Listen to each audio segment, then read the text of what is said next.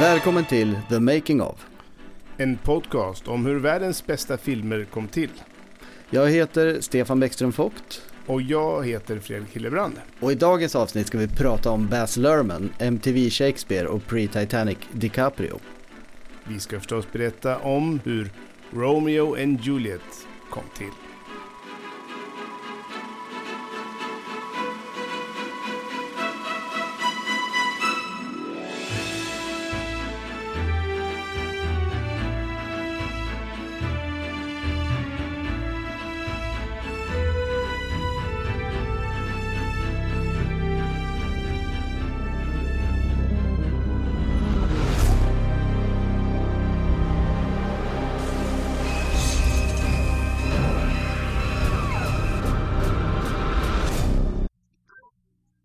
Innan vi börjar det här avsnittet så tänkte vi att vi skulle berätta för er eh, om lite grann så här, vi, det har varit en liten resa här, det är ju vår första säsong Fredrik mm. och eh, vi har ju då, vad är vi på, avsnitt sex? Eh, är det nog ja, tror jag.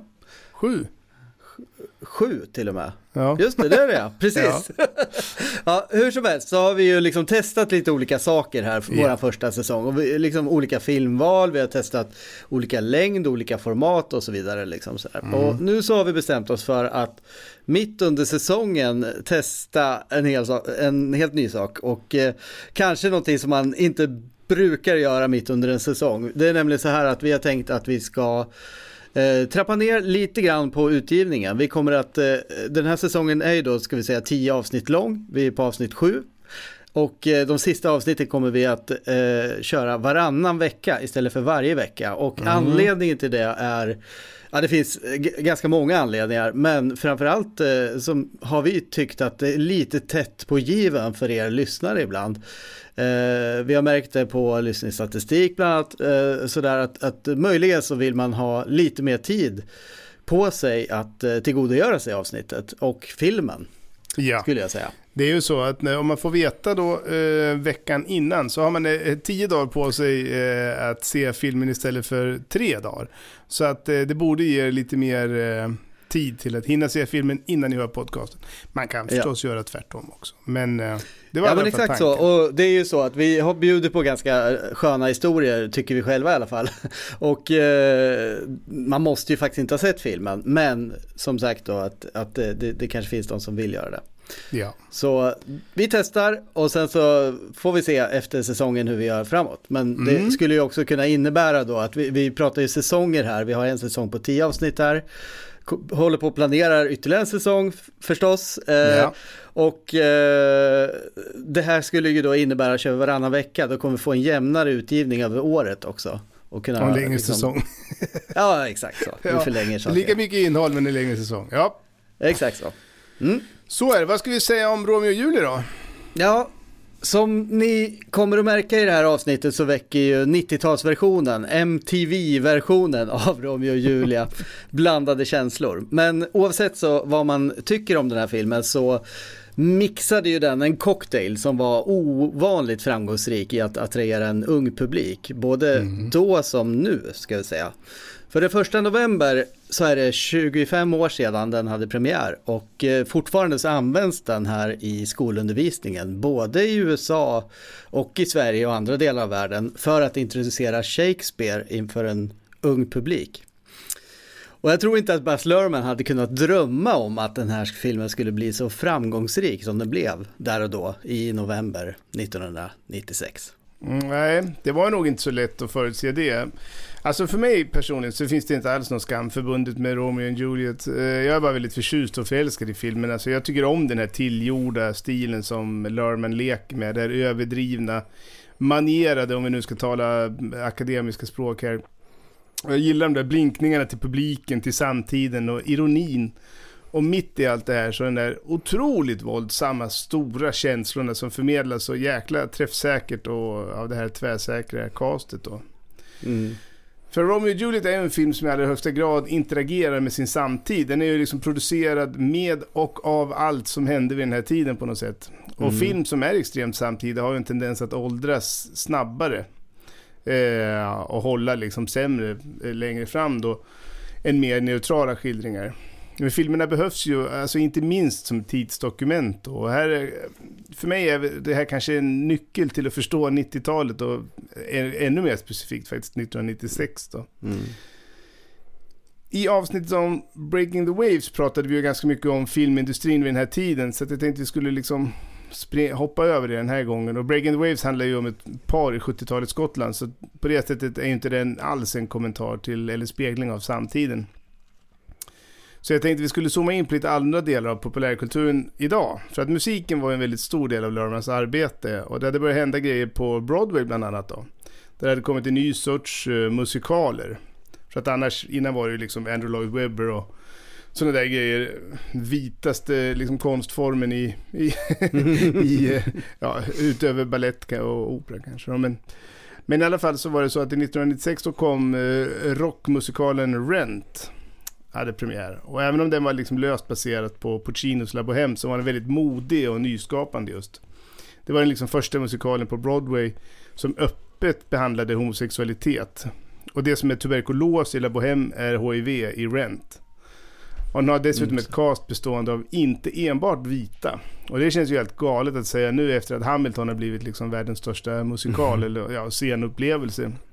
Men då var det ju mm. väldigt ovanligt att det fanns olika hudfärger på scen.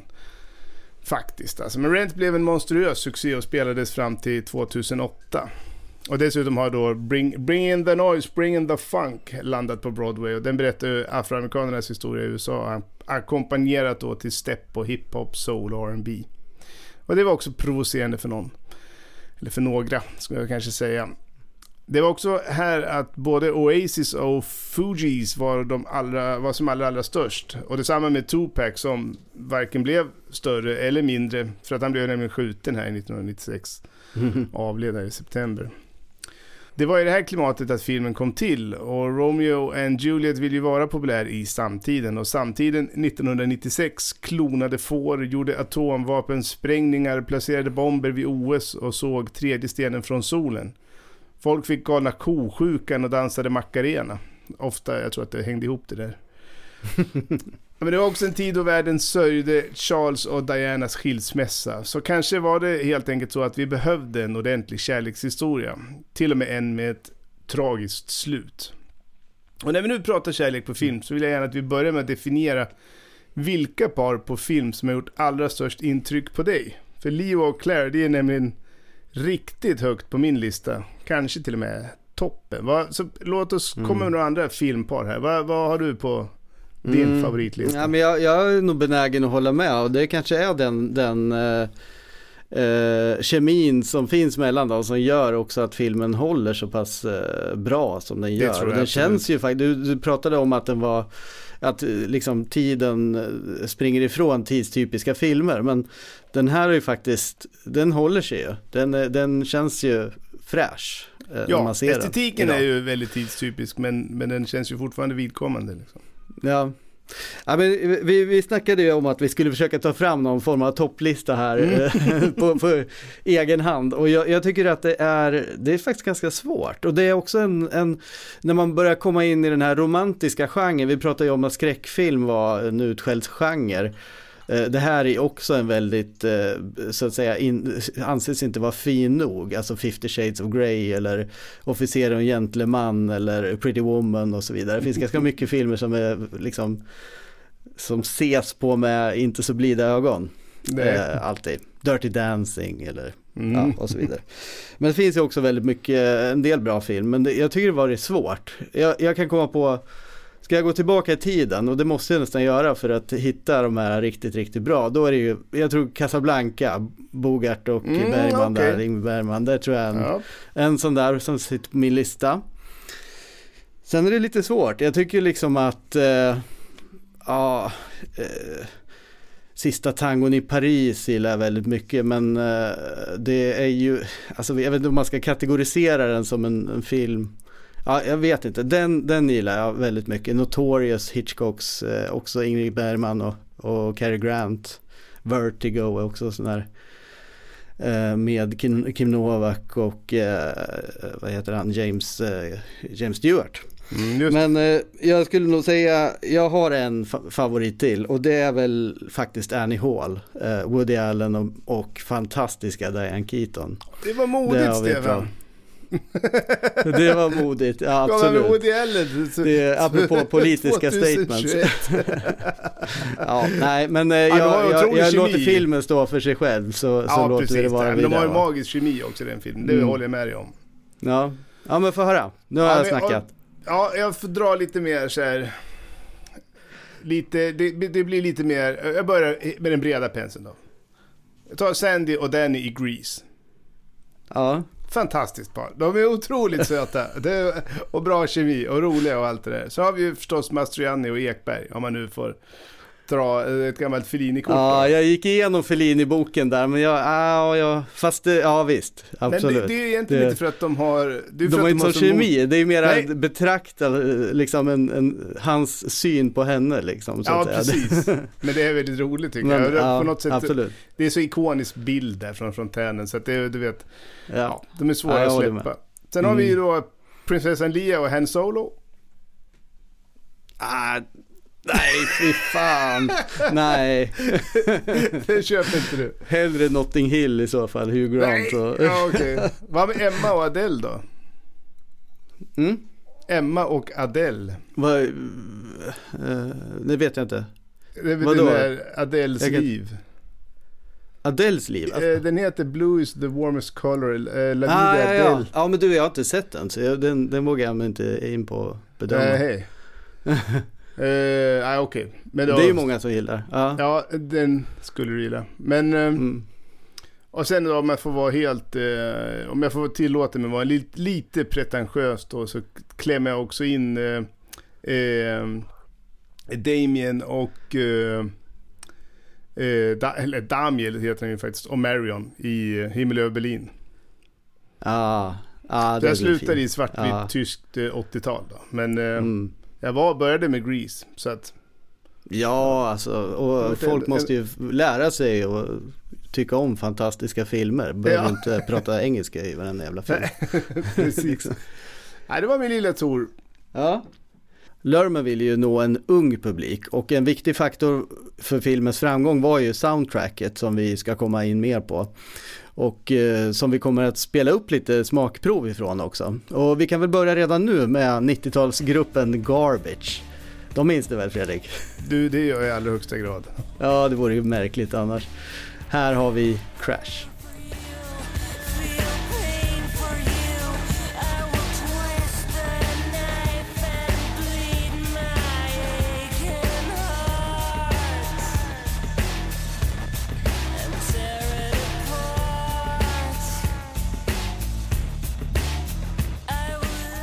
Ja, Romeo and Juliet är ju del två i en trilogi. En trilogi som Baz Luhrmann kallade sin Red Curtain Trilogy. Och eh, den inleds då med Strictly Ballroom från 1992 och avslutas med Moulin Rouge 2001. Och Luhrmann debuterade med Strictly Ballroom som kom från, ja ingenstans egentligen och fick ett himla genombrott. Mm. Um, I Australien så vann den i princip alla priser som man kunde vinna.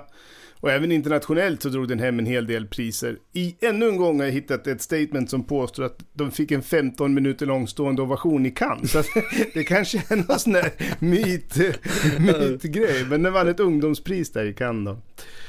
Eh, och australisk film var ju extremt eh, het på 90-talet. De hade ju verkligen ett momentum här. Mm. Eh, det var ju filmer som Muriels bröllop, Romper Stomper, Shine, mm. eh, Priscilla, Öknens drottning. Eh, som, ja, det var de filmerna som ledde den vågen. Och även om Jane Campion då, hon, eh, hon är från Nya Zeeland, men hon, det smittade ju av lite på australisk film, för det var alltid koproduktioner då. Så de får väl sola sig lite grann i hennes eh, storhet också då. Mm, hon gick men på filmskola kom... i, i, i Sydney. Ja, just det. Just det, ja. Men det är allt, de, hon, alla hennes filmer tror jag nästan har haft australiensiska pengar i sig också. Så att, vilket ju ja, ger mening. Mm. Men hur som helst så kom Strictly Ballroom utan förväntningar på sig från den här debutanten och den gladde alla med sin charm då. För det är ju en film som handlar om standarddans. Och det kanske inte är så överraskande egentligen, för att han växte nämligen upp med en mamma som hade en dansskola och en kjolbutik. Och hans pappa var bland annat fotograf och hade även en biograf som han hade startat där i sin hemstad. Då. Mm.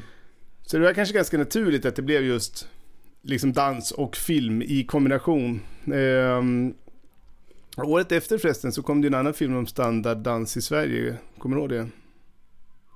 Vad, vad är standarddans egentligen? Jag fattar inte. Ja, alltså eh, eh, vals och foxtrot och sådana där ja. discipliner. Ja, eh, alltså menar du, nej vänta nu. När var det här då? Alltså 92 eller något sånt där? Jag tänker bara om, om, I Sverige? Blackjack, men den kom ju 87. Ja, det var ju dansband. Ja, det var dansband. Nej, jag vet inte. Vad då? Samma regissör. Uh, Baz Luhrmann? nej. nej, alltså, ja jag fattar. Som Blackjack. Nej, men... Uh, det, det, nej, jag kommer inte ihåg. Jo, jag vet vad den heter nu. Eller jag vet vilken du menar. Uh, ja. De är på dans, danstävlingar i England och ja. Uh, och sen så är det någon mordhistoria, konstig. Precis, sista dansen. Ja, ja, ja. sista dansen. Okej, okay, tack. Ja, precis. Men Strictly Ballroom är ju en form för Cinderella och Fula Ankungen historia där en blyg, bortglömd kvinnlig dansare, Fran, blir partner till den stora lovande stjärnan Scott. Scott har nämligen hamnat i problem eftersom han vill utmana de här danserna med sina nya vågade steg och han blir förstås diskvalificerad. Men tillsammans utmanar de då den här stela... Dirty Dancing eller? Ja, lite, lite. Men de utmanar då den här stela stereotypa domarna i dansvärlden och ställer upp i de australiensiska mästerskapen med sina vågade moves. Och Lermans bakgrund är ju inom scenkonst och han hade satt upp Strictly Ballroom som en sorts multimedia-teater i kortformat på 30 minuter. Och insåg att här fanns det faktiskt en historia som kanske skulle hålla till en, till en film då, då. Och det var ju Lormans debut, men när man har sett Lormans andra filmer så är det väldigt lätt att se att det här var första steget i att utveckla en helt egen stil. De här extrema ansiktsuttrycken, de färgglada kostymerna, den snabba klippningen, musiken som är liksom helt framme i upplevelsen. Och så den där humoristiska lättheten som också kännetecknar hans filmer. Strictly Ballroom är ju så att säga bara lätt. Den har inte den där stora sorgen och smärtan som mm. eh, hans senare filmer har. Men charmen och egenheten gjorde i alla fall att den landade väldigt väl och medförde ett väldigt stort genombrott. Buzz Lerman hade gjort Strictly Ballroom till en hit och eh, blickade nu framåt till den alltid svåra film nummer två som vi känner till. Mm. Och var genombrottet en slump då alla stjärnor stod rätt på himlen eller fanns det mer att hämta hos den där Lerman? 1993 satte Lerman upp eh, Benjamin Brittens operaversion av Shakespeares En midsommarnattsdröm för den australiensiska operan. Och eh, i sitt researcharbete hamnade han oväntat i Rajasthan i Indien. Han hade nämligen sett en koppling då mellan Brittens tolkning, som ju var ganska ny från 60-talet, och eh, hinduistisk eh, mytologi. Och på plats där så såg han en Bollywoodfilm som gjorde stort intryck på honom med sin överlastade estetik och kombination av högtravande tragedi och väldigt profana jordnära sinne för humor. Och eh, det var en otroligt omvälvande upplevelse för honom och eh, det skulle bli hans utgångspunkt för hans två kommande filmer. Ja. Och det var som sagt dags nu att blicka fram mot nästa filmprojekt och Lerman hade en idé om att återuppfinna den moderna musikalen. Men insåg att det skulle bli väldigt, väldigt svårt. Så han sköt den här idén framför sig och istället så gjorde han någonting som han uppfattade som enklare. Han hade en idé om att adressera Shakespeare på samma sätt som Shakespeare själv skulle ha gjort det om han hade gjort en film idag. Om det är enklare eller ej låter jag vara osagt men eh, det låter i alla fall inte som någon walk in the park. Vi kan eh, lyssna på en något speedad Lerman men likväl övertygande när han berättar om det här. You know, what is a director but a storyteller? And I think that it's the storytellers of a particular generation's responsibility to reveal anew those classic texts which have affected or moved us throughout time and, and uh, throughout the ages, really. The thing I really set out to do was to smash what I like to call kind of club Shakespeare. You have to be a member of the club to understand it. I mean, this man, this 26 year old writer, wrote this fantastic play so that everybody could understand it, so that everybody could be affected by it. And that's really what we want to do, is bring it back for everybody. People think of Romeo and Juliet being for the young, and it is, of course. But it really speaks, I think, actually to the older generation, because what it is about is that if an older generation hands down its baggage of hatred, if a new generation comes into a world of learned hate, if, it, if an older generation hands down its baggage, its negative baggage, they're going to end up with tragedy. They're going to end up with dead kids. They're going to end up, as a result of that, with innocents being killed and destroyed. And that is an incredibly important message. The language is truly, truly. Uh, I mean, Shakespeare, you know, invented a quarter of the English language. He was a, but he was a great street user of street language. It, it has a rhythm and it has you know, metaphor and simile. Now, there's now so too does the language of the street. I mean, rap is, has a rhythm and a metaphor and a simile. You know, and it's only using language in a really clever, fabulous, ornate way. And that's um, all we're doing in this. I will guarantee that when they are on the screen together, time stands still. Sagt och gjort. Lerman förberedde sig för att göra en pitch för första gången i sitt liv han var kompis då med en kille som heter Peter Rice på Fox som senare skulle bli en av de högst uppsatta där. Och eh, han fick hjälp av honom med att eh, förbereda sig. Och Rice var bekymrad över en sak. För Lerman hade nämligen tänkt att behålla Shakespeares originaltext skriven på blankvers. Och eh, ambitionen var ju att attrahera en ung och bred publik och blankvers och eh, Shakespeares originalspråk var inte vad man kunde kalla för lättillgängligt tyckte Rice då.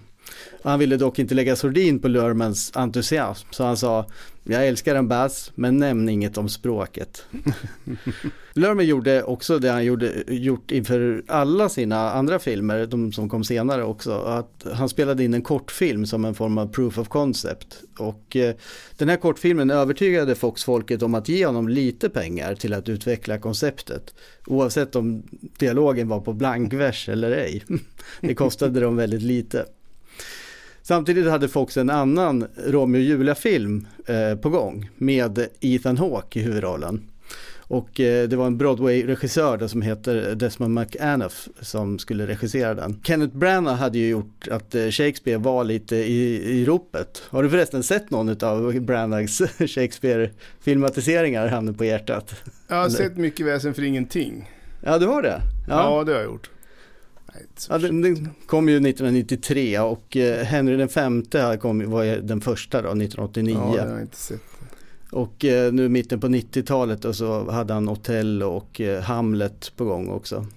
Och jag tror att Fox tänkte väl att det var bäst att skrida till verket med Romeo och Julia innan Branagh får kon på den också. Shakespeare var ju verkligen glödhet här för att sen kom efter det här så kom ju också Shakespeare in Love och så vidare. Just det, Just det, Senare vann massa det, det, höll, det var... 90-talet var Shakespeares årtionde. Ja, jag tror faktiskt Shakespeare in Love kom 97 om jag minns rätt. Så det är ja, precis året efter. Ja.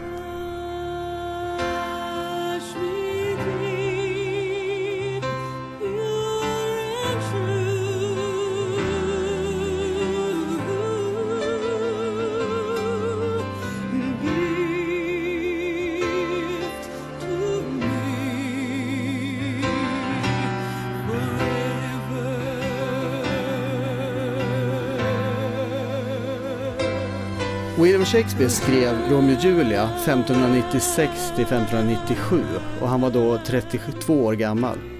Och utan att gå in för mycket på, på Shakespeare så kan vi ändå konstatera att eh, pjäsens ursprung är ganska komplicerad. För det första så finns det ju de som menar att Shakespeare var lågutbildad och knappt kapabel till att skriva sitt eget namn. Och därför aldrig kunde ha skrivit något av de dramer som han har tillskrivit. Men eh, för sakens skull så utgår vi ifrån att han gjorde det. Det blir besvärligt annars. Det blir lättare så. Och eh, Shakespeare skrev dramer för teatern och eh, dramerna var ju ofta dramatiseringar baserade på andra källor.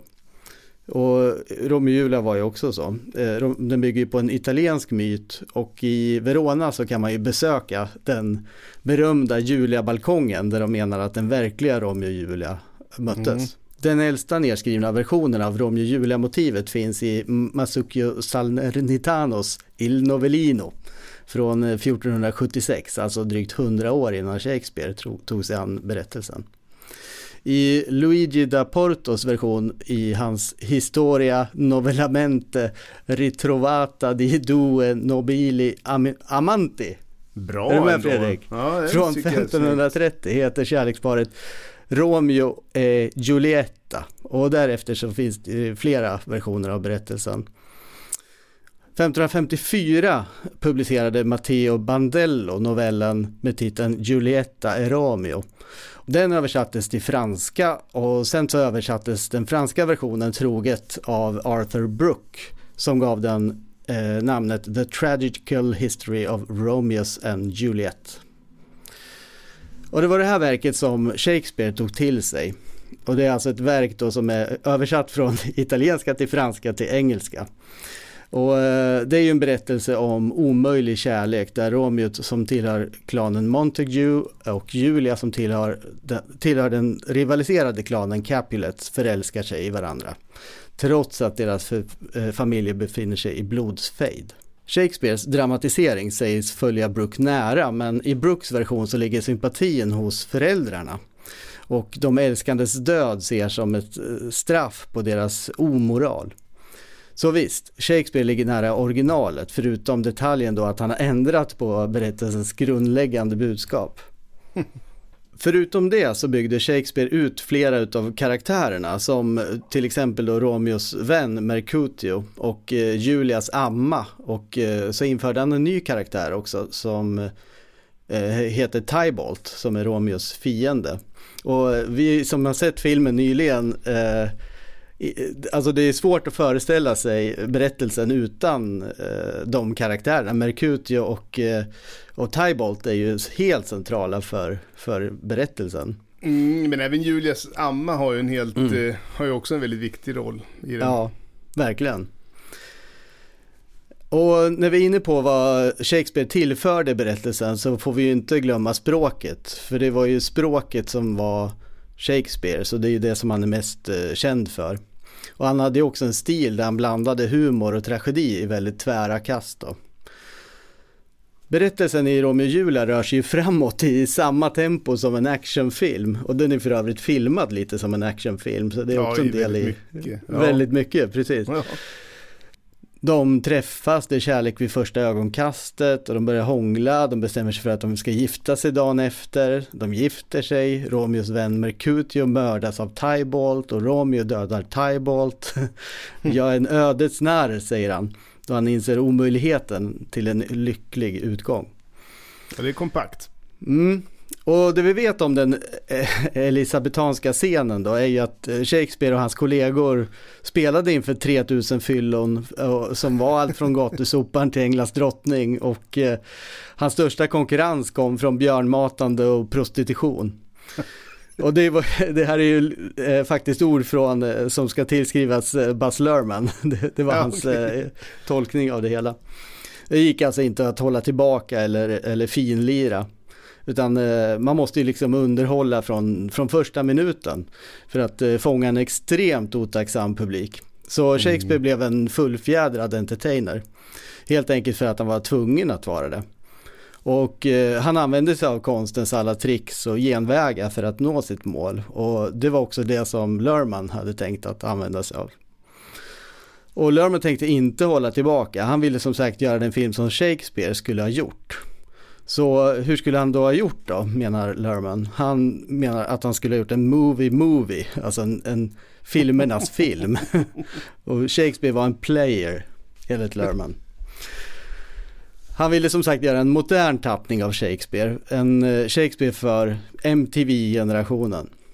Men det hade ju varit väldigt lätt som sagt att, att gå vilse i yta och göra en två timmars musikvideo, vilket det absolut inte blev. Och Lerman kunde ju sin eh, Shakespeare och eh, ville anamma hans sätt att eh, skapa en hyperbol. Samtidigt som han skulle bygga vidare då på sitt unika uttryckssätt som filmskapare genom att jobba med överdrifter och collage. Något som han var ganska ensam om får man säga vid den här tiden. Ja, men det har ju verkligen blivit hans kännetecken. Kan du inte mm. förklara ordet hyperbol?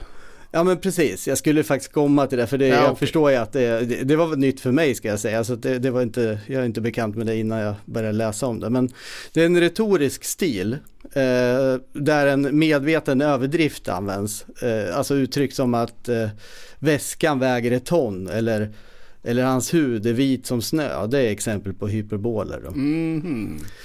Och eh, så går det ju såklart då att överföra det här till ett filmiskt uttryckssätt då. Eh, och det är ju, bland annat så är ju det ett, det skulle kunna vara ett benämning på Fellinis sätt att uttrycka sig kan mm. man säga. Han var ju mästaren på överdrifter.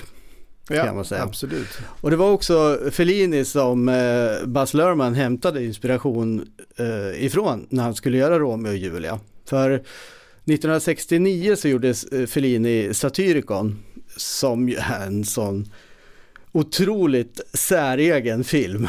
Ja, den är inte för om man, om man vågar se på, på något sånt eh, så, som verkligen bryter mot allt annat så ska man se Satyricon för då har man en stor upplevelse framför sig tror jag. Men eh, hur som helst så eh, Satyricon var ju en skildring då utav romarriket något hundratal år efter Kristus. Och även det så var ju en fri adaption på en förlaga. Och eh, Satyricons dekadenta skildringar då låg till grund för estetiken i, i Romeo och Julia. Och eh, de överdrivna karaktärerna och de ständiga festerna och eh, det var även Fellinis sätt att skildra vatten och havet var något som Lörman inspirerades av. Eh, mm. Och en stor del av den här berättelsen utspelas ju vid det fiktiva Verona Beach. Ja.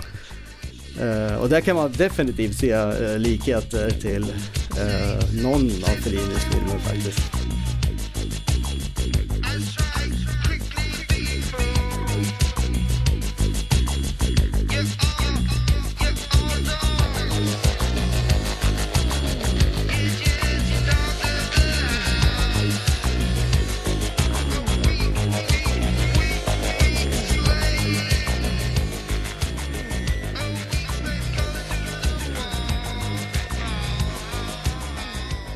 Med detta sagt så ville Lerman då egentligen ta ner saker på jorden. Nu sitter jag och liksom svänger med massa begrepp och regissörer som, som inser att vi liksom... Högt livstal. Eh, många ja. kanske inte har en, en eh, referens till. Men eh, det, det, stora poängen för Lerman var ju faktiskt att ta ner berättelsen på jorden så att säga och, och skita till den lite. Och eh, egentligen undvika den här fällan som är lättast att trampa i med, med eh, Shakespeare. Det vill säga att bli allt för högtravande och, och förlora publiken då i det. Lerman ville göra en ungdomsfilm men det är svårt att få genomslagskraft utan riktig star quality. Så spelade slumpen in på ett sätt som den ofta gör, så ofta att man egentligen tvivlar på att det är en slump. För precis då så bläddrade Lörman i en veckotidning där han såg en, en bild på en fotogen ung man och han konstaterade det där, det där är min Romeo, så ska han se ut. Och han hade ingen aning om vem den här unge mannen var. Han trodde att det var en allmän kändis eller någon rockstjärna eller något. Han tänkte, tänk om den där killen bara kunde spela. Och så var det en kompis till honom som berättade att det där, det där är Leonardo DiCaprio. Och han är en mycket begåvad ung skådis. Och eh, det Lerman kan ha sett är ju det som Lasse Hallström hade sett några år tidigare när han hade kastat honom till Gilbert Grape. För Hallström menade att det satt i Leos blå ögon. De är så annorlunda menade han. Det vänstra är mjukt och empatiskt och utstrålar värme medan det högra är analyserande. Ett öga är psyket, ett är intellektet. Leo DiCaprio... Säger det ja? kort här. Alltså nu såg jag om den filmen här, jag vet inte hur många gånger jag sett den, men jag såg den i alla fall här i veckan. Och det, alltså han är ju helt eh, magnetisk i den här filmen, mm. Leo. Han är ju så jävla vacker och, och charmerande ja. och rolig och välspelande. Alltså det, det är verkligen en, en, en klockren prestation tycker jag. Ja. Ja, men berätta lite mm. om hur, vad han hade för bakgrund då, För att eh, han var ju fortfarande väldigt ung när han slog igenom och sådär. Mm. Jo, Leo DiCaprio växte upp då med en ensamstående mamma, Irmelin heter hon. Hon hade emigrerat från Tyskland till USA och eh, flyttat då till Los Angeles. Men eh, saker gick inte riktigt som Irmelin hade tänkt sig för hon eh, bosatte sig i centrala LA då på Hollywood Boulevard. Och 1958 förgylldes den gatan med Hollywoods Walk of Fame där de största artisterna föräras en, en stjärna i gatan, det kände nog alla mm. till. Och, men med tiden så förslummades den här gatan och på 70-talet eh, när Irmelin och Leo bosatte sig där så var den en av LAs fattigaste områden. Den hade fått öknamnet Syringe Alley och Leo växte upp bland knarkare och prostituerade. Och syringe, innan... Förlåt, syringe då som i nål till en, på en spruta? Eh, Eller spruta helt enkelt. Ja. Mm. Och eh, ja men som sagt innan Leonardo DiCaprio hade börjat skolan så hade han ju sett eh, sex, folk ha sex i, i, i gränderna och tagit överdoser i hans kvarter. Mm. Det var ju ingen, ingen perfekt ställe att ha en uppväxt på. Får i alla fall alltid ha skor på sig. Det lär man ju ha. Ja. och eh, det här blev ju liksom eh, Leos drivkraft. För han bestämde sig att han skulle bli rik och ta sin mamma bort ifrån den här misären. Och eh, likt en av de här miljontals pojkarna som spelar fotboll i Rio de Janeiros slumområden så, och drömmer om att bli fotbollsproffs så såg ju Leo filmen som hans genväg till, till rikedomen. Så redan innan han började skolan så bestämde han sig för att han skulle bli skådis och en filmstjärna. Och i skolan så var han en teaterapa och älskade att synas och, och larva sig runt och få uppmärksamhet så att säga. Så det passade ju hans eh, lynne lite grann också. Han var med i någon tv-serie som, som liten parvel, en eh, pytteliten roll men det gav blodad tand. Men eh, det följdes ju av en mängd avslag. Så när han var 11 år så bestämde han sig för att skaffa sig en agent. Men även det visade sig vara tufft för uh, han och andra barn radades upp då och agenterna pekade ja, ja, nej, nej, nej, ja, tack så mycket. Och Leo var ett nej. Och han var ett nej om och om igen i tre års tid. Och i den här åldern så kan ju sånt sätta sig på eh, ens självförtroende förstås. Men Leo var nog lite annorlunda där. För bakslagen verkade bara rinna av honom. Han eh, fattade inte att de där agenterna inte såg vad han hade för någonting. I skolan tyckte de att han var otrolig. Särskilt när han imiterade Charles Manson. Då skrattade hans kompisar. Leo fick till slut hjälp av, av sin äldre bror som eh, också ville bli skådis. Och eh, brorsan då hjälpte Leo att skaffa sig en agent och eh, det innebar att eh, Leo fick en del reklamjobb. Så han gjorde liksom reklam då för tändstickor, frukostflingor, tuggummi och så vidare. Men eh, hans agent gillade inte Leos namn. Hon tyckte att Leonardo DiCaprio lät lite för etiskt, som hon sa. Så hon föreslog Lenny Williams. Men eh, vid det här laget så rullade det på för 14-årige Leo så han kunde unna sig förmånen att ge henne sparken. förnuftigt. Ja. Så småningom så lyckades han få en, en roll då i en tv-serie. Eh, de skulle spela in Lassie på nytt. Och det innebar en, en stadig inkomst eh, för honom och eh, det följdes av fler jobb också. Så från 15 års ålder så eh, försörjde Leo sin, sin familj och de kunde faktiskt flytta då från eh, Hollywood Boulevard till Los Feliz som även det är en av LAs fattigare delar men de slapp ju det här drogträsket i alla fall. Och från Los Feliz då kunde man blicka ut över kullarna fyllda av lyxvillor som omger LA. Leo han visste vart han ville komma. Målbilden var tydlig. Och han fick många blickar på sig för 1993 när Leo var 19 år var ett avgörande år för honom. För då landade han sina två första riktiga roller på film. Först ut var En främling i familjen där han spelade mot ingen mindre än Robert De Niro. Han eh, skulle spela en rebellisk tonåring som gör revolt mot sin brutala far då och som, som spelades av De Niro. Så det var ju en riktig roll mot den absolut största i branschen. Och det kunde ju inte passa bättre för han fick massor av hjälp eh, av De Niro i sin eh, rolltolkning. Och De Niro var så imponerad att han eh, sa till en viss Martin Scorsese att den här unge mannen ska du hålla koll på. Mm. En bra historia. Mm.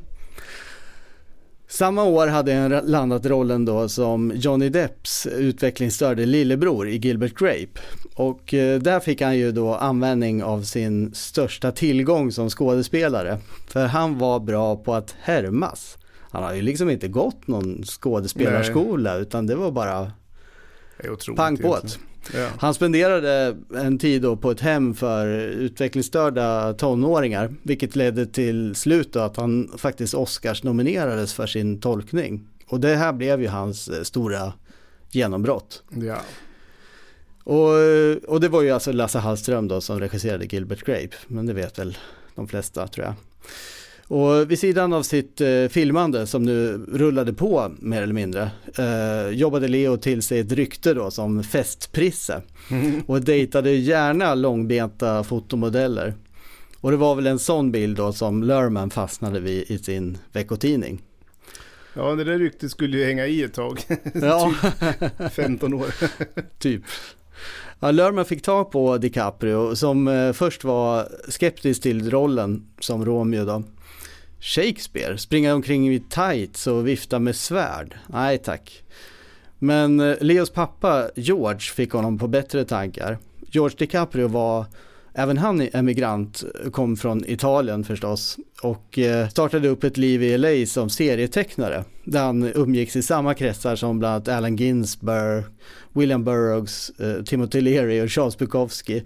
Det är liksom gänget, eh, de brukar dyka upp där på slutet på 60-talet i Los Angeles. Jäkla rövgäng att hänga med. det var ett jävla rövgäng. och ja, men George då kunde ju urskilja vad som var bra för en ung skådis i alla fall och kom att bli eh, Leos främsta rådgivare faktiskt. Eh, bland annat, eh, ja, det är flera roller som, som han egentligen har pekat på att han skulle mm. spela. och George hade sett Strictly Ballroom och tänkte att det här kanske inte var en traditionell Shakespeare-tolkning som Lerman var ute efter utan ja, någonting annat. Så han rådde sin son att kolla vad den här regissören har tänkt sig. Och Lerman övertygade Leo att eh, komma till Australien. Så tillsammans med ett gäng kompisar så satte sig Leonardo DiCaprio i ekonomiklass mm. i planet mot eh, Sydney. Vilket var helt avgörande för det här projektet. För utan Leo DiCaprio hade ju det kanske inte blivit någon Romeo och Juliet. Nej, det hade det inte, törs jag säga. Without him there would not have been a Romeo and Juliet. I wouldn't have been interested in doing it. I, did, I couldn't think of anyone who, who embodied what he embodied. I, I mean, there's the physical essence, the physical representation, but more importantly was he had the ability, he's such an innate ability to take the language, stay within the iambic, but also, most importantly, embrace it and make it his own. Yeah, make, make, it like he thinks. Like, like he, he believes what he's Correct. Framme i Sydney medverkade DiCaprio i en workshop som i första hand skulle övertyga DiCaprio eh, och i andra hand också Fox då förstås om att Shakespeare kunde göras till en modern film. Och eh, skulle också övertyga dem om att det gick att ha dialogen på blank vers. För och, jobbar ju visst mycket så med eh, workshops. Eh, inför alla filmer så eh, workshoppar de fram väldigt mycket av det som blir filmen sen. Mm, det verkar ja. väldigt eh, spännande arbetssätt faktiskt. Ja. Smart på många ja, sätt. Det, det, ja, för det, jag tror att alla får högre, vet, vad ska man säga, att de får större engagemang i, i tillblivelsen. Man känner sig väl också mm. mer delaktig så. Skulle jag kunna tänka. Det är heller inte liksom lite så här in och ut bara. Nej, Köra precis, typ utan... fyra veckors inspelning sen är det över liksom. Utan det, de, det, är någon månad att repa innan liksom. Ja, precis. Och arbeta fram ja. rollerna och liksom hitta allt det där. Ja. Och eh, DiCaprio han lät sig ju övertygas. Han eh, kände att det skulle bli en elektrisk adaption. En eh, genuin Romeo och Julia, inte en ny West Side Story som han befarade. Och dessutom så skulle den tilltala den yngre publiken, hans egen generation. Och DiCaprio blev också Lermans lösning på knuten med texten. För med DiCaprio så låg ju Shakespeares text helt naturligt i munnen. Och man tror ju på det han säger. Vi kan väl lyssna på vad Leo själv säger om att eh, jobba med Shakespeare och eh, hur det var att ta honom in i 90-talet.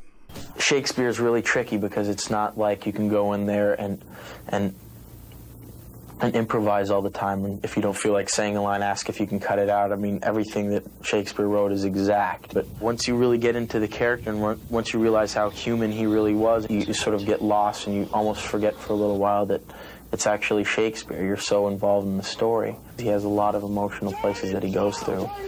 And uh, that was a little bit draining at times. Med Leo ombord så skrotade Fox eh, Ethan Hawks Romeo och Julia-projekt och eh, bestämde sig för att satsa på Lerman till 100%. Game on. Så nu började jakten på Leos motspelerska. En eh, mängd lovande skådespelerskor provspelade för, för den här rollen som Julia. Och bland dem så fanns det en ung skådespelerska som precis hade fått sitt genombrott i Luc Bessons Leon. Där hon spelade den 12-åriga flickan som motvilligt beskyddas av yrkesmördaren Leon när hennes föräldrar mördas. Och det här var ju Natalie Portman. Och hon mm. hade just fyllt 14 och eh, det såg ut som att eh, hon skulle bli den nya Julia. Och visst, hon var ung, men det är också åldern på, som Julia är i, i texten. Så DiCaprio såg ju också yngre ut än sin ålder, så tillsammans så skulle de kanske kunna vara ett magiskt par. Men eh, så snart som de hamnade framför kameran tillsammans så var det allt för tydligt att de var för ung. Och det gjorde att DiCaprio såg äldre ut. Mm. De tyckte att det såg ut som att Leo förgrep sig på mig när vi kysstes, konstaterade Portman efteråt. Ja. ja. Det är inte allt från 1500-talet som man kan ta till 2000-talet. Exakt. Leo var ju inte bara filmens huvudrollsinnehavare. För trots sin unga ålder så blev Lerman och han bundsförvanter. Så de arbetade tillsammans med att försöka hitta en ny Julia. Och nu blir det 90-tals-bonanza. Liv Tyler och eh, Leos kompis Alicia Silverstone kom till audition. Sarah Michelle Gellar tillfrågades och tackade nej på grund av eh, kalenderkonflikt. Och Kate Winslet var intresserad men när det väl kom till kritan så tyckte hon själv att hon var för gammal för rollen. Lerman träffade då regissören Jane Campion som du nämnde i början av programmet och eh, hon är ju kanske mest då känd för pianot. Jag vet inte om vi sa någonting. Sa du någonting om henne? Vad hon har gjort för någonting? Ja, nej, jag, ramsade är... inte upp något, nej. Nej, men pianot. Top of the Lake gillar jag väldigt mycket. Vi tycker lite olika om den tror jag. Men uh, hon har väl gjort, ja hon har ju regisserat mycket film. Liksom. Jag kan säga men... att jag tycker lite olika om Top of the Lake. Jag har ja, inte bestämt mig. Juryn är fortfarande ute liksom. Ja hur som helst då, så eh, liksom Campion och eh, Lerman började prata om den här rollen som Julia och eh, hon frågade honom om, hon hade sett, om han hade sett eh, tjejen i tv-serien My So Called Life. Och hon är så mogen för sin ålder menade Campion. Och det var ju då Claire Danes, då 16 år gammal. Det är otroligt, 16 år. Ja, det är faktiskt otroligt. Så Claire Danes fick eh, provspela mot Leo och vid auditionen här så var Leo ganska trött. För totalt så hade han ju spelat då mot över 60 olika skådespelerskor från Australien, USA och England. Och på kuppen då rest mellan tre kontinenter. Och eh, den här dagen så hade han ju redan spelat mot eh, fem andra tjejer. Så Danes uppfattade honom som lite avslagen. Men eh, sin ålder till trots så, så insåg hon att det här var ju hennes stora chans.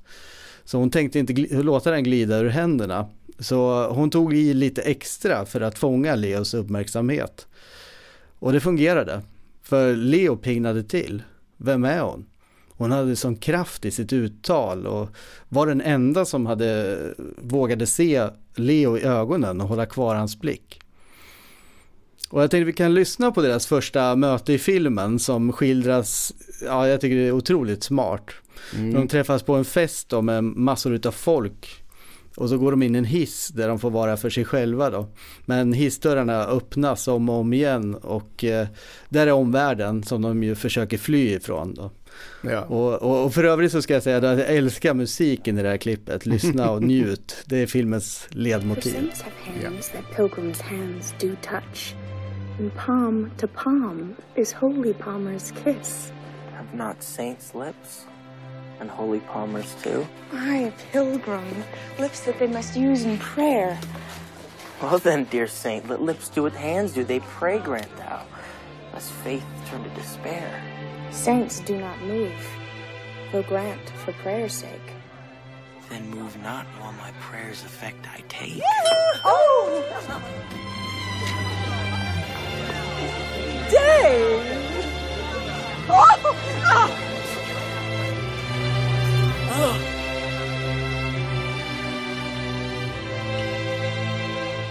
Thus from my lips by thine my sin is purged. And have my lips the sin that they have took? Sin from my lips? O trespass sweetly urged, give me my sin again. You kiss by the book.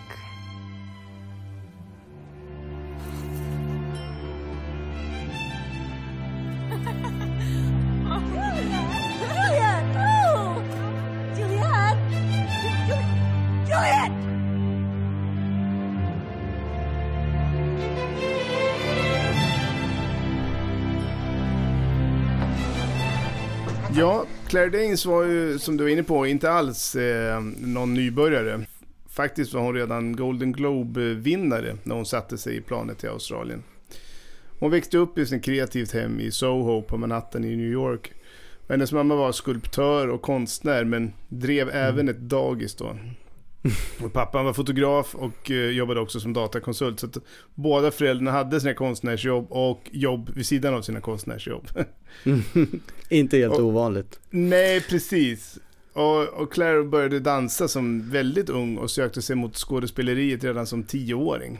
Och där började hon alltså på Lee Strasbergs uh, Theater and Film Institute. Och Lee Strasberg är en av de där amerikanska förtolkarna av Stanislavskis uh, method acting.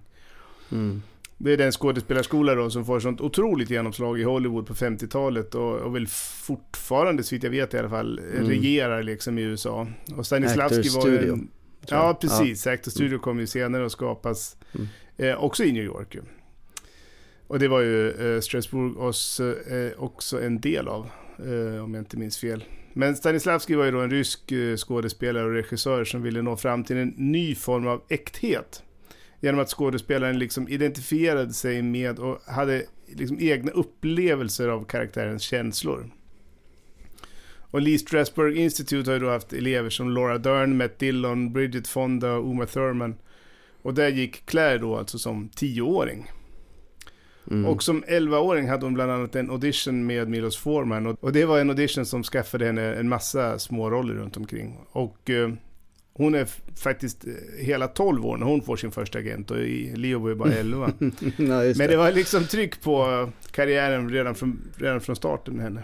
Ja. Ska och nämnas också att, eh, liksom, ja, nu vet jag inte exakt, eh, men det här är ju den, den skolan, alltså Lee Strasbergs Institute eller Actors Studio, det är ju för professionella skådespelare, det är ju inte för, det är inte vem som helst, man blir liksom invald för att få vara med där. I alla fall Actor Studio. Jag tror att du kan börja på Institute utan att vara ah. eh, utan att vara proffs. Så det är väl mer som en, som en vanlig eh, Skola, teaterskola liksom. så att säga. Ah, men okay. men eh, Actor Studio är, det är ju, där är man en del, liksom som ett, det är som ett akademi mer, där mm. man liksom utväxlar idéer. Så har jag förstått det i alla fall, jag är inte helt... Eh, utan att avslöja för mycket så kommer vi nog komma in på det här i ett eh, kommande avsnitt. Ja, det är ja. oundvikligt kan man säga. Det är oundvikligt. Ja, men sitt stora genombrott då, det fick hon ju då med tv-serien My So Called Life. Uh, och det var den hon nominerades till en Emmy och vann en Golden Globe för. Och har du sett den serien? Nej. Inte jag heller, inte. men... Jag den, vet inte om den har Finns den? Jo, det gör den. Jag vet ja. faktiskt inte var du kan se den idag. Men, men, men den har ju sån jäkla following. Alltså det, det gjordes bara 19 avsnitt. Men Aha. folk som har sett den har inte glömt den kan jag säga. Det finns väldigt många som Aha. fortfarande är glödande fans idag. Mm. Um, hon var alltså 15 år då. Och uh, den första stora filmen hon gjorde var den femte filmatiseringen av Little Women. Mm. Så hon var ju utan tvekan en otroligt stor talang som hade alla möjligheter framför sig. Och på det sättet var ju Leo och hon lika. För de hade ju både, även om de var unga så hade de väldigt mycket erfarenhet. Och uh, med den bakgrunden mm. var det ett ganska perfekt match egentligen till Leo. Uh, och det var barnstjärnor som tycktes vara på väg mot de stora stjärnorna. Mm, verkligen. Ja, uh, unga skådespelare och uh, varken DiCaprio eller Danes hade ju spelat Shakespeare förut. Och det är ju erkänt svårt att ge sig på hans dramer men när eh, DiCaprio såg Keanu Reeves eh, ge sig på det i Mycket väsen för ingenting så steg hans självförtroende. Oklart vad han tyckte om Reeves kvaliteter som skådis. kan han så kan väl jag, tänkte Leo. Och eh, Danes menade ju att det var enklare att göra Shakespeare än ett dåligt manus. Just för att det är så välskrivet. Och eh, efter detta så framstår allt som skräp menade hon. Det kan ju vara jobbigt då att stå på toppen när man är 16 år. Eh, men eh, hon gick in då i, förstås i Shakespeare med sån beslutsamhet att hon drev sin mamma till vansinne när hon till frukost reciterade baksidan på cornflakespaketet i blankvers. Men det tog ett tag för, för DiCaprio och Danes ändå att klicka det var lite stelt i början. Och de resonerade sig fram genom texten, liksom utforskade den och försökte förstå och så vidare. Så Lerman sa att de var som två tonåringar som var på semester tillsammans. Mm, bra beskrivning. Och eh, Ja, men alltså en sak som Lerman försökte åstadkomma var att eh, Leo och eh, de andra egentligen, eh, Danes och hela ensemblen skulle claima språket så att säga och göra orden till sina egna. Och det tycker jag att man verkligen ser i, i, i filmen. Det ja, det är nog också väldigt avgörande för trovärdigheten. Mm. Men det känns ju inte alls styltigt tycker inte jag. Men... Nej. Mm, vi kan väl lyssna på vad Lerman själv säger om eh, processen i filmatiseringen. The language is truly, truly. Uh, I mean, Shakespeare, you know, invented a quarter of the English language. He was a, but he was a great street user of street language. It, it has a rhythm and it has you know, metaphor and simile. Now, there's now so too does the language of the street. I mean, rap is, has a rhythm and a metaphor and a simile. You know, and it's only using language in a really clever, fabulous, ornate way. And that's um, what we're doing in this. Romeo och Julia skulle ju utspelas på den fiktiva Verona Beach i Miami. Och eh, från början så var det också tänkt att eh, de skulle spela in i Miami. Men när det visade sig vara för dyrt så fann de ett billigare alternativ då i, i Mexiko. Det hade också rätt ambience för produktionen med ett samhälle som var tydligt uppdelat mellan de fattiga och de rika.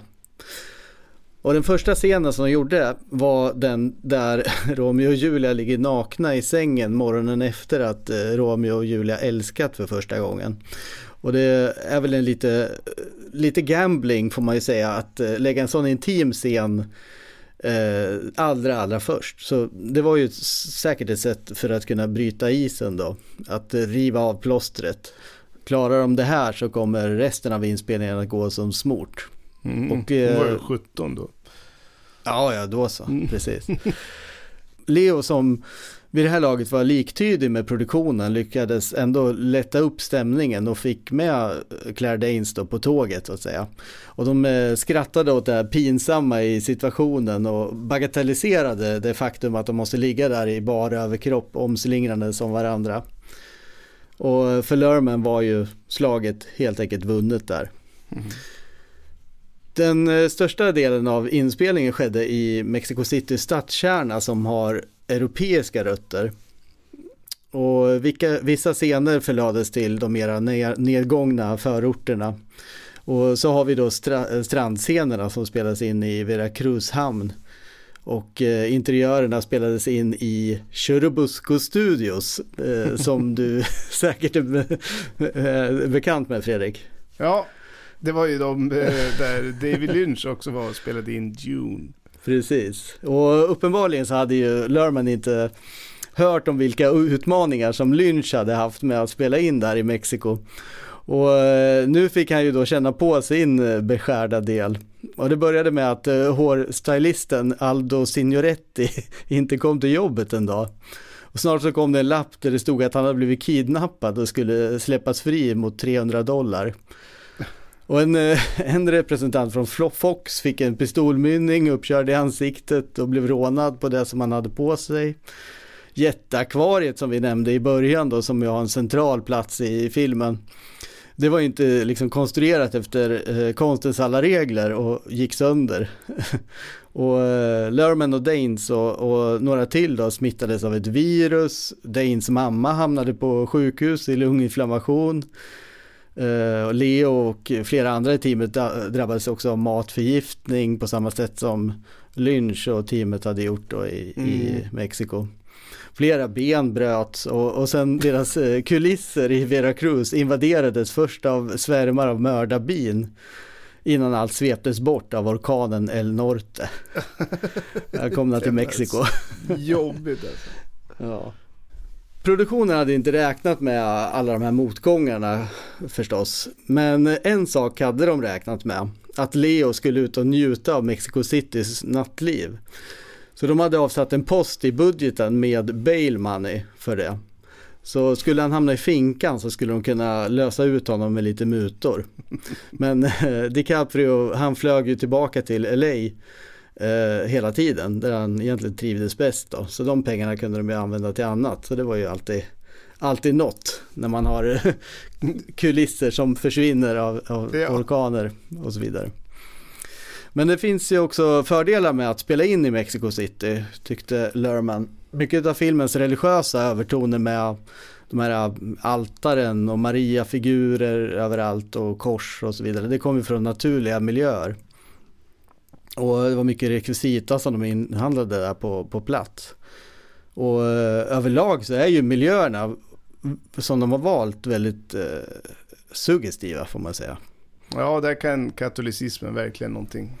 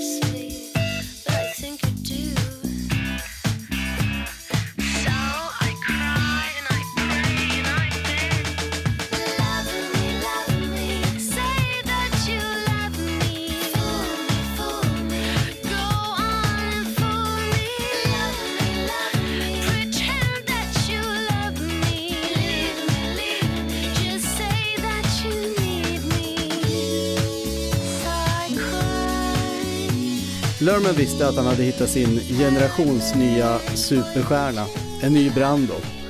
Och varje generation efter Brando har ju sin Brando, så att säga. Som tyvärr alltid bleknar mot originalet. Men medvetet eller ej så fanns det en avgörande parallell mellan dem. Eh, Brando slog ju igenom över en natt med Streetcar Name Desire, eller Linje Lusta på svenska. Och eh, hans revolutionerande närvaro summerades i hans skrik efter Stella. Och det har ju runnit så otroligt mycket vatten under broarna. Jag måste gardera mig lite här känner jag. Och det går ju inte att likställa DiCaprio med Brando. De kommer ju från helt olika sammanhang, helt olika roller och så vidare. Men jag kan inte motstå den här frestelsen. För här är DiCaprio i Romeo och Julia. I defy you stars!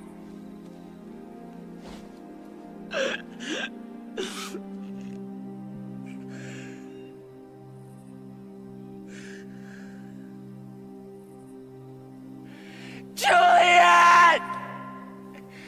Juliet!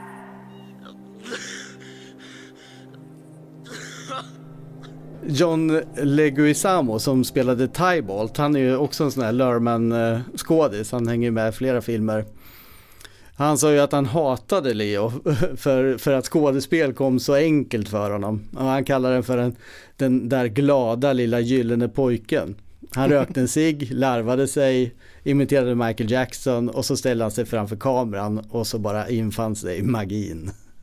Det är jobbigt när man ser någon ha så lätt för sig. Ja, kanske ska säga någonting, börja, vi kommer att återkomma till det, men eh, Baz Luhrmanns fru är ju hans närmaste samarbetspartner kan man säga. Ja, verkligen. Och, eh, hon heter Catherine Martin och är Ja, tar väl hand om allt från scenografi till kostym till uh, art direction och så vidare.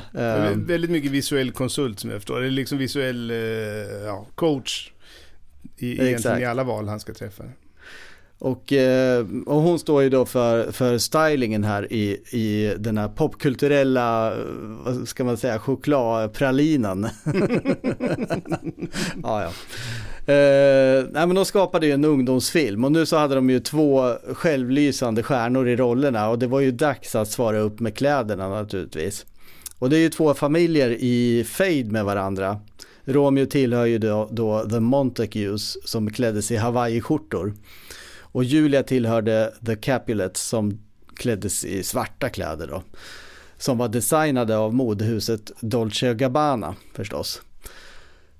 Men eh, naturligtvis så skulle ju också DiCaprio få styling från ett italienskt modehus. Så eh, Romeos vigselkostym designades utav Prada förstås. Mm -hmm. Och generellt så skiljer sig ju egentligen, det finns en tanke här med, med kläderna att Romeo och Julias kläder skiljer sig från, från gängen. De, de är som en tredje enhet här liksom med deras eh, lite mera nedtonade kläder som visar att de, de hör ihop så att säga.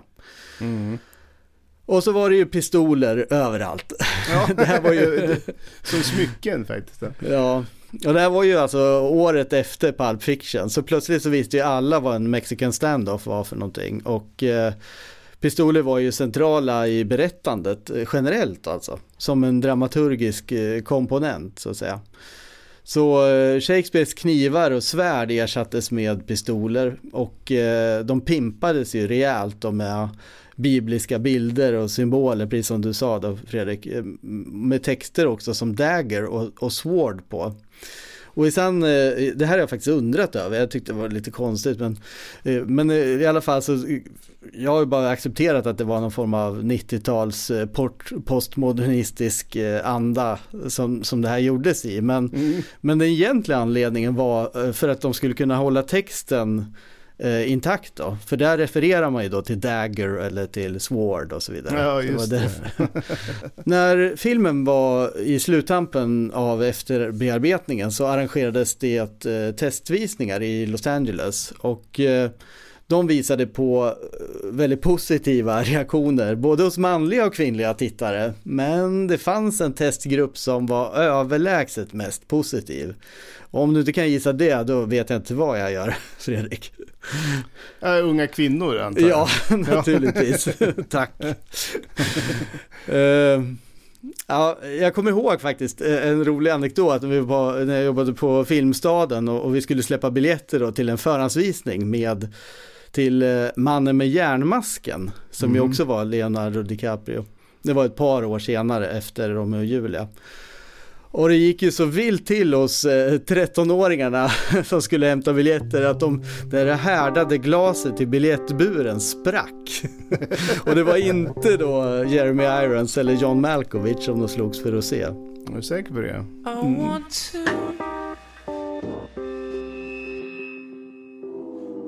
To be someone else, so I'll explode.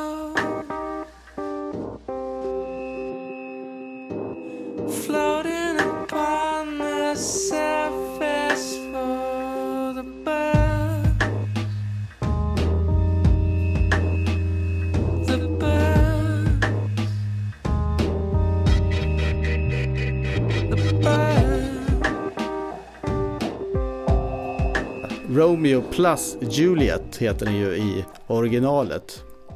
Den fick ju ett plus där i titeln. Möjligen för att indikera då att det var en extra alt-version. En mm. plusmeny mm. som såldes. Eller så var det bara så att eh, plusset såg bra ut. Några år tidigare i alla fall så hade ju Coppola storfilm Dracula kommit ut med tillägget Bram Stokers Dracula. Och eh, nu fick ju då Romeo plus Juliet heta William Shakespeares Romeo plus Juliet. Vilket både låg i tiden då och eh, pekade ju tillbaka då förstås till Shakespeare. De eh, positiva då, testvisningarna visade ju också på filmens potential och det gjorde ju att Fox mångdubblade marknadsföringsbudgeten. Fox tog fram PR-filmer där de fokuserade på ungdomars problem med eh, sina föräldrar och hur mycket av blodsfejden mellan eh, Capulets och Montagues som eh, ungdomar på 90-talet kunde känna igen sig i, det låter jag vara osagt. Men, men kampanjen var i alla fall mycket framgångsrik och nu kommer det 90-talsbonanza igen då, för de körde den här kampanjen då på i tv-program som eh, Beverly Hills eller Melrose Place eller Clueless och Sabrina tonårshäxan. och så hade de ju Leo förstås. They're gonna definitely get a way of seeing Shakespeare's work done that it's that has never been done before. I mean, just off the top of my head, they're to see drag queens, wild, you know, tripped out acid scenes, aquatic stuff going on, futuristic cars, a lot of gunplay, and a lot of high powered emotion. It combines so many things and it's so powerful and it just doesn't let up. I want to get to a place where I'm just known as a as a really uh, as a good actor who takes good choices and I hope that I will get other people around me that want to do the same thing. In 10 years I hope that you know, I'm still maintaining a good stride. Men Romeo och Julia höll på att bli en i den allt för långa raden filmer där dess unga huvudrollsinnehavare inte längre finns, fanns med oss. Jag tänker då på River Phoenix eller Brandon Lee eller Heath Ledger som alla mm. gjorde en James Dean och dog alldeles för tidigt. Ja. Sommaren 1996 så hade Leo bestämt sig för att hoppa fallskärm med ett tiotal kompisar. Och eh, de skulle göra tandemhopp med instruktör och det var ganska straightforward sådär. Allt som Leo behövde göra var att dra i utlösaren så skulle fallskärmen veckla ut sig. Och det var bara det att när Leo drog i tåten så utlöstes inte den eh, eh, skärmen utan den tvinnade sig runt sin egen axel. Och ja, han försökte också öppna den andra, det finns tydligen någon reservfallskärm då. Men även den hakade upp sig. Så där och då i fritt fall så såg Leo sitt liv passera revy och han tyckte väl lite synd att han inte skulle bli så gammal.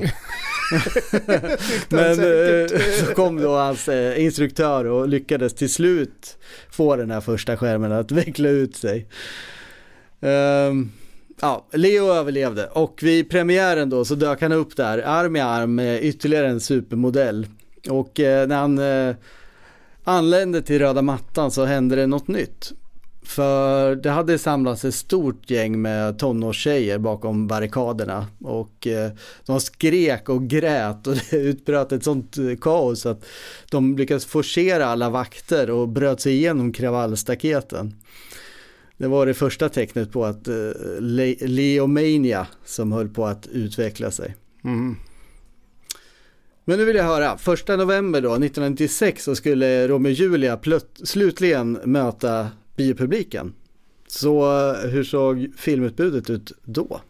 Ja, alltså den allra största filmen i USA i oktober var ju allt annat än en ungdomsfilm. För det var nämligen Före detta fruars klubb. med legenderna Goldie Hawn, Bette Midler och Diane Keaton. Och de var ju alla över 50 när den filmen spelades in och tematiken är ju inte heller någonting som jag tror eh, var sådär direkt eh, eh, lockande för tonåringen. Så att den, den filmen var inte någon tonårsmagnet, det tror jag jag kan säga. Nej, det var ingen konkurrent? konkurrent eh, Nej, det, till, det till tror jag inte det var. I slutet av oktober så kom eh, också då en film av Barry Levinson.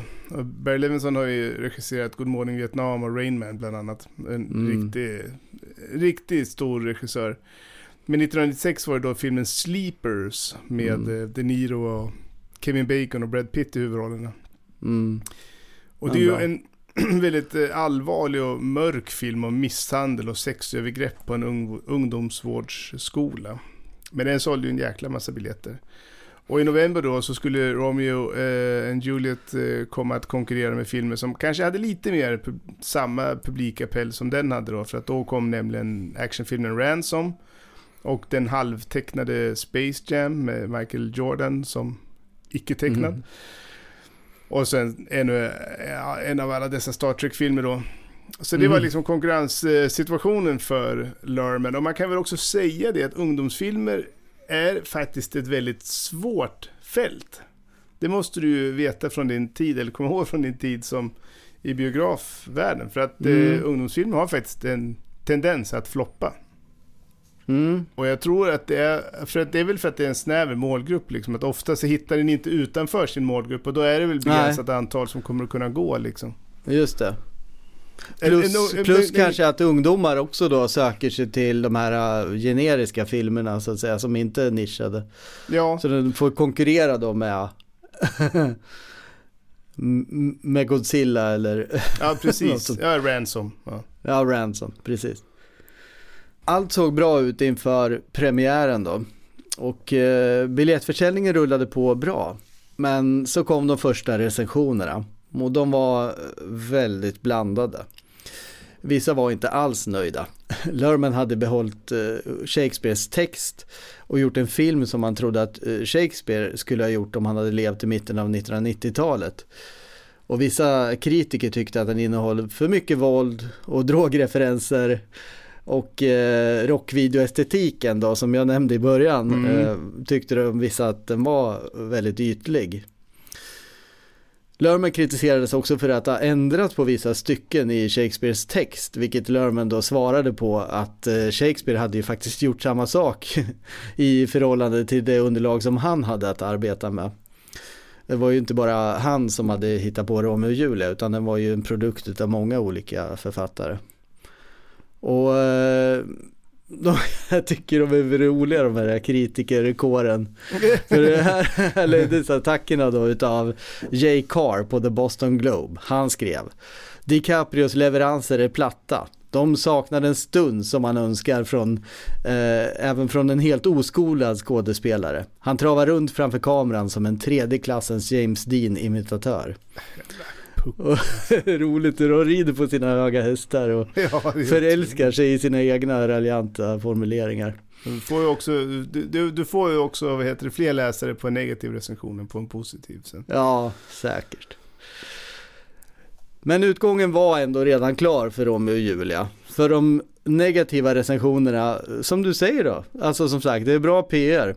Det fanns eh, också många som var positiva till filmen och det bidrog, bidrog ju bara till att filmen ansågs vara lite kontroversiell, vilket brukar ju funka bra då när det är dags att sälja biljetter.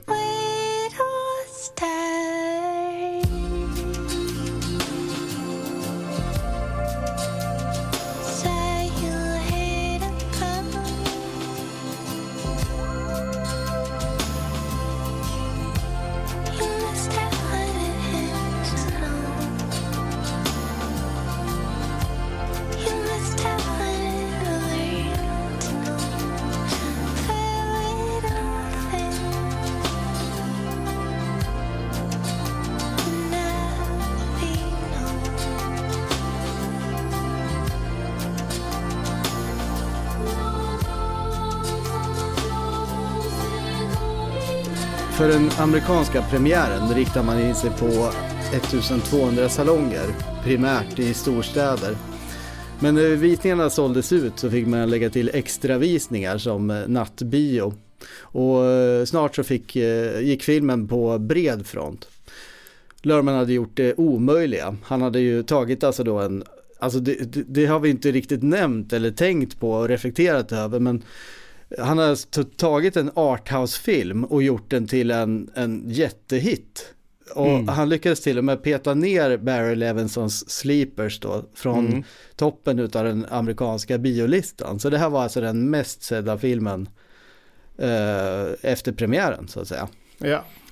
Och eh, filmen då med en budget på 14 miljoner dollar kom att spela in hela 147 miljoner dollar på bio. Alltså otroligt. mer än tio gånger kostnaden så att säga. Helt det är en otroligt. jättesuccé. Ja. 310 filmer hade biopremiär i USA 1996. Och när man summerade året då så hamnade Romeo and Juliet på 32 plats. Sett till hur mycket pengar den spelade in. Och mm. den hade ju som sagt då premiär i november. Och överlägset störst det året det var Independence Day. Den drog in, eh, ja förlåt. Jag tror det var 800 miljoner dollar. Det är alltså, den, den var ju lika, alltså i relation till budget så var det lika mycket succé som Romeo och Julia så att säga. Ja, den var ju, kostade bara, ja, ja. Den kostade ja. mer men den drog in jävligt mycket mer. ja, ja, det var helt extremt. Men det var liksom ingen film som var i närheten av den. Nej. Jag tror den hade det, mer än dubbelt så mycket som i omsättning som film nummer två. Ja. Romeo och Julia eh, skördade vissa priser men, men egentligen så vann den kanske inga tyngre priser så att säga eh, när det var dags för eh, award season. Den tävlade om Guldbjörnen i Berlin men vann inte. Och när det var dags för Oscarsgalan så fick den en enda nominering och det var Catherine Martin då som förärades med en nominering för bästa Art Decoration. Men när det väl kom till kritan så besegrades den utav den engelska patienten. Men eh, signifikativt nog så vann Romeo och Julia faktiskt Silverbjörnen i Berlin. Och det var Leonardo DiCaprio som tilldelades det priset som bästa skådespelare. Hade du då trott vid den här tiden att det skulle gå 20 år tills eh, Leo skulle vinna en Oscar? Nej, det är ganska konstigt faktiskt, får man säga. Vad var det han vann Oscar för? Eh, The Revenant? ah, såklart. Ja, ah, just det. Måste få skägget att växa lite innan det ja. är dags. Det var ingen som sa att han var valpig då i alla fall. Nej. Nej men det var nog så att eh, Romeo Julia inte ansågs väga tungt nog för de här prestige, riktigt prestigefyllda priserna. Men eh, som jag redan har konstaterat ett par gånger den här säsongen eh, så mer än något annat så tillhörde ju filmen publiken. Amy Pauls, redaktör för Teen People, hade en bra insikt eh, i vad Leomania-kulten byggde på. Förutom att han var så snygg och framstod som så känslig. Det handlade om att eh, situationen i filmen gav känslan att eh, fansen ville och kanske kunde rädda honom. DiCaprio hade ju dött då i, året innan i Snabbare än döden och eh, nu var det ju dags igen. Och eh, nästa år så var det ju dags att dö ytterligare en gång i Titanic. Titanic dog och dog och dog och dog. Jag satt själv och kände hur, hur nära det var, så att säga. När, när Romeo överväger att ta giftet, där han sitter vid Julia som man tror är död. Då. Men eh, Julia rörde ju sin hand som vidrörde hans. Kände han inte det?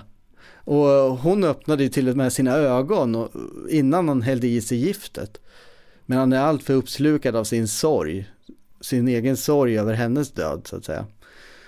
Kan inte han rikta blicken mot hennes en tiondel sekund tidigare? Mm. Nej, man, ja. Man, ja, man, man, känner verkligen den där smärtan. Man vill så gärna att det ska lyckas. Liksom. Ja.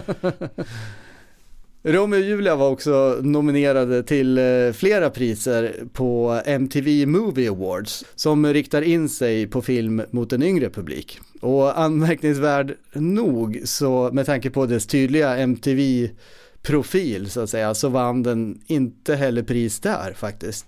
Inte ens för bästa kyss. Vet du vem som vann det priset? Nej, alltså Dracula. Nej, det, var... det var Will Smith och Vivica A. Fox i Independence Day. det, det säger en del om ungdomsfilm och ungdomspubliken får man ju säga. Ja. De är oberäkneliga. Ja, fy fan. Ja, det, ja, men det var ju faktiskt ganska otroligt konstigt får man säga. Att inte Romeo och Julia vinner över, över Independence Day i filmkyssar.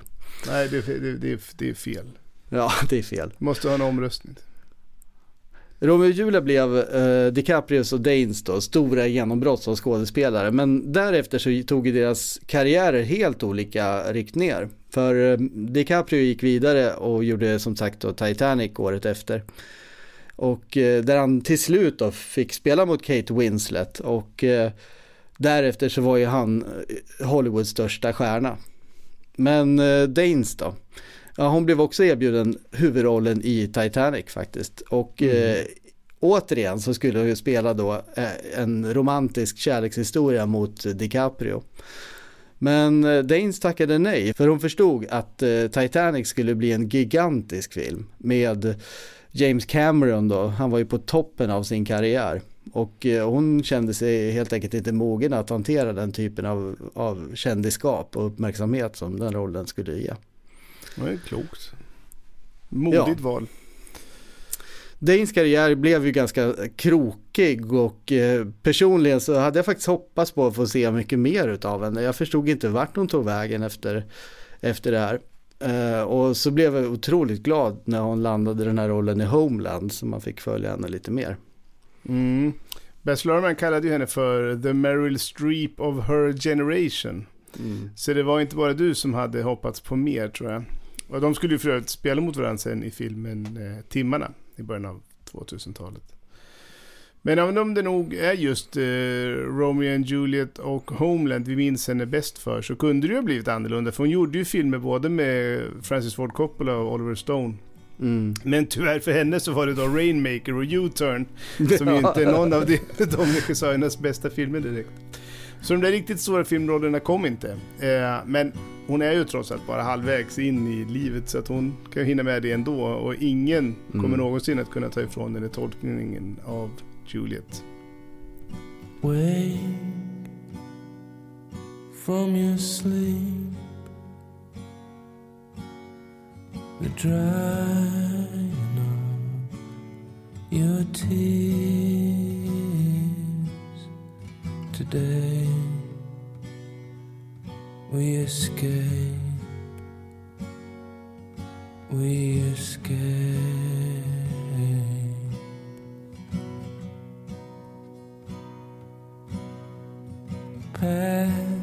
Musiken som, som vi nu har hört delar av var ju en del av filmens kampanj. Och eh, soundtracket då som, som Lerman också producerade sålde ju platina i USA.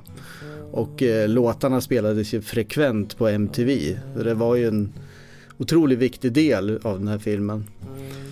Och vi har ju redan hört Radioheads talkshow host som eh, inte släpptes på någon av deras eh, fullängdare. Och de hade ju fullt upp med att eh, färdigställa sitt legendariska OK mm. Computer album. När de fick frågan om de ville göra musiken till eftertexterna till Romeo och Julia.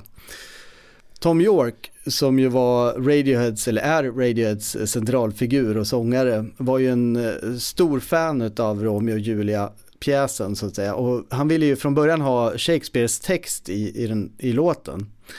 Och liksom Baz Luhrmann så hade han ju sett eh, Franco Zeffirellis 60-talsfilmatisering av Romeo och Julia och golvats av den. Och jag såg den när jag var 13 år och grät sönder mina ögon för att jag inte, jag fattade inte varför de inte bara rymde dagen efter de har knullat, sa York. Och han har ju liksom en poäng i det, det får man ge honom. Ja. ja. Så eh, York var en fan av den här berättelsen och eh, skrev Exit Music for a Film till Romeo och Julia.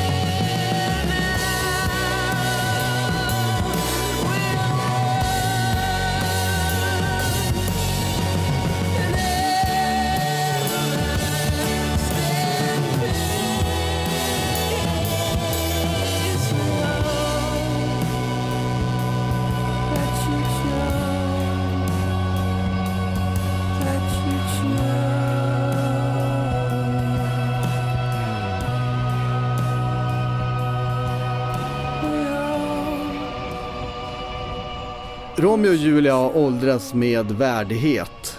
Redan då den gjordes så pratade man om eh, den som en film för MTV-generationen.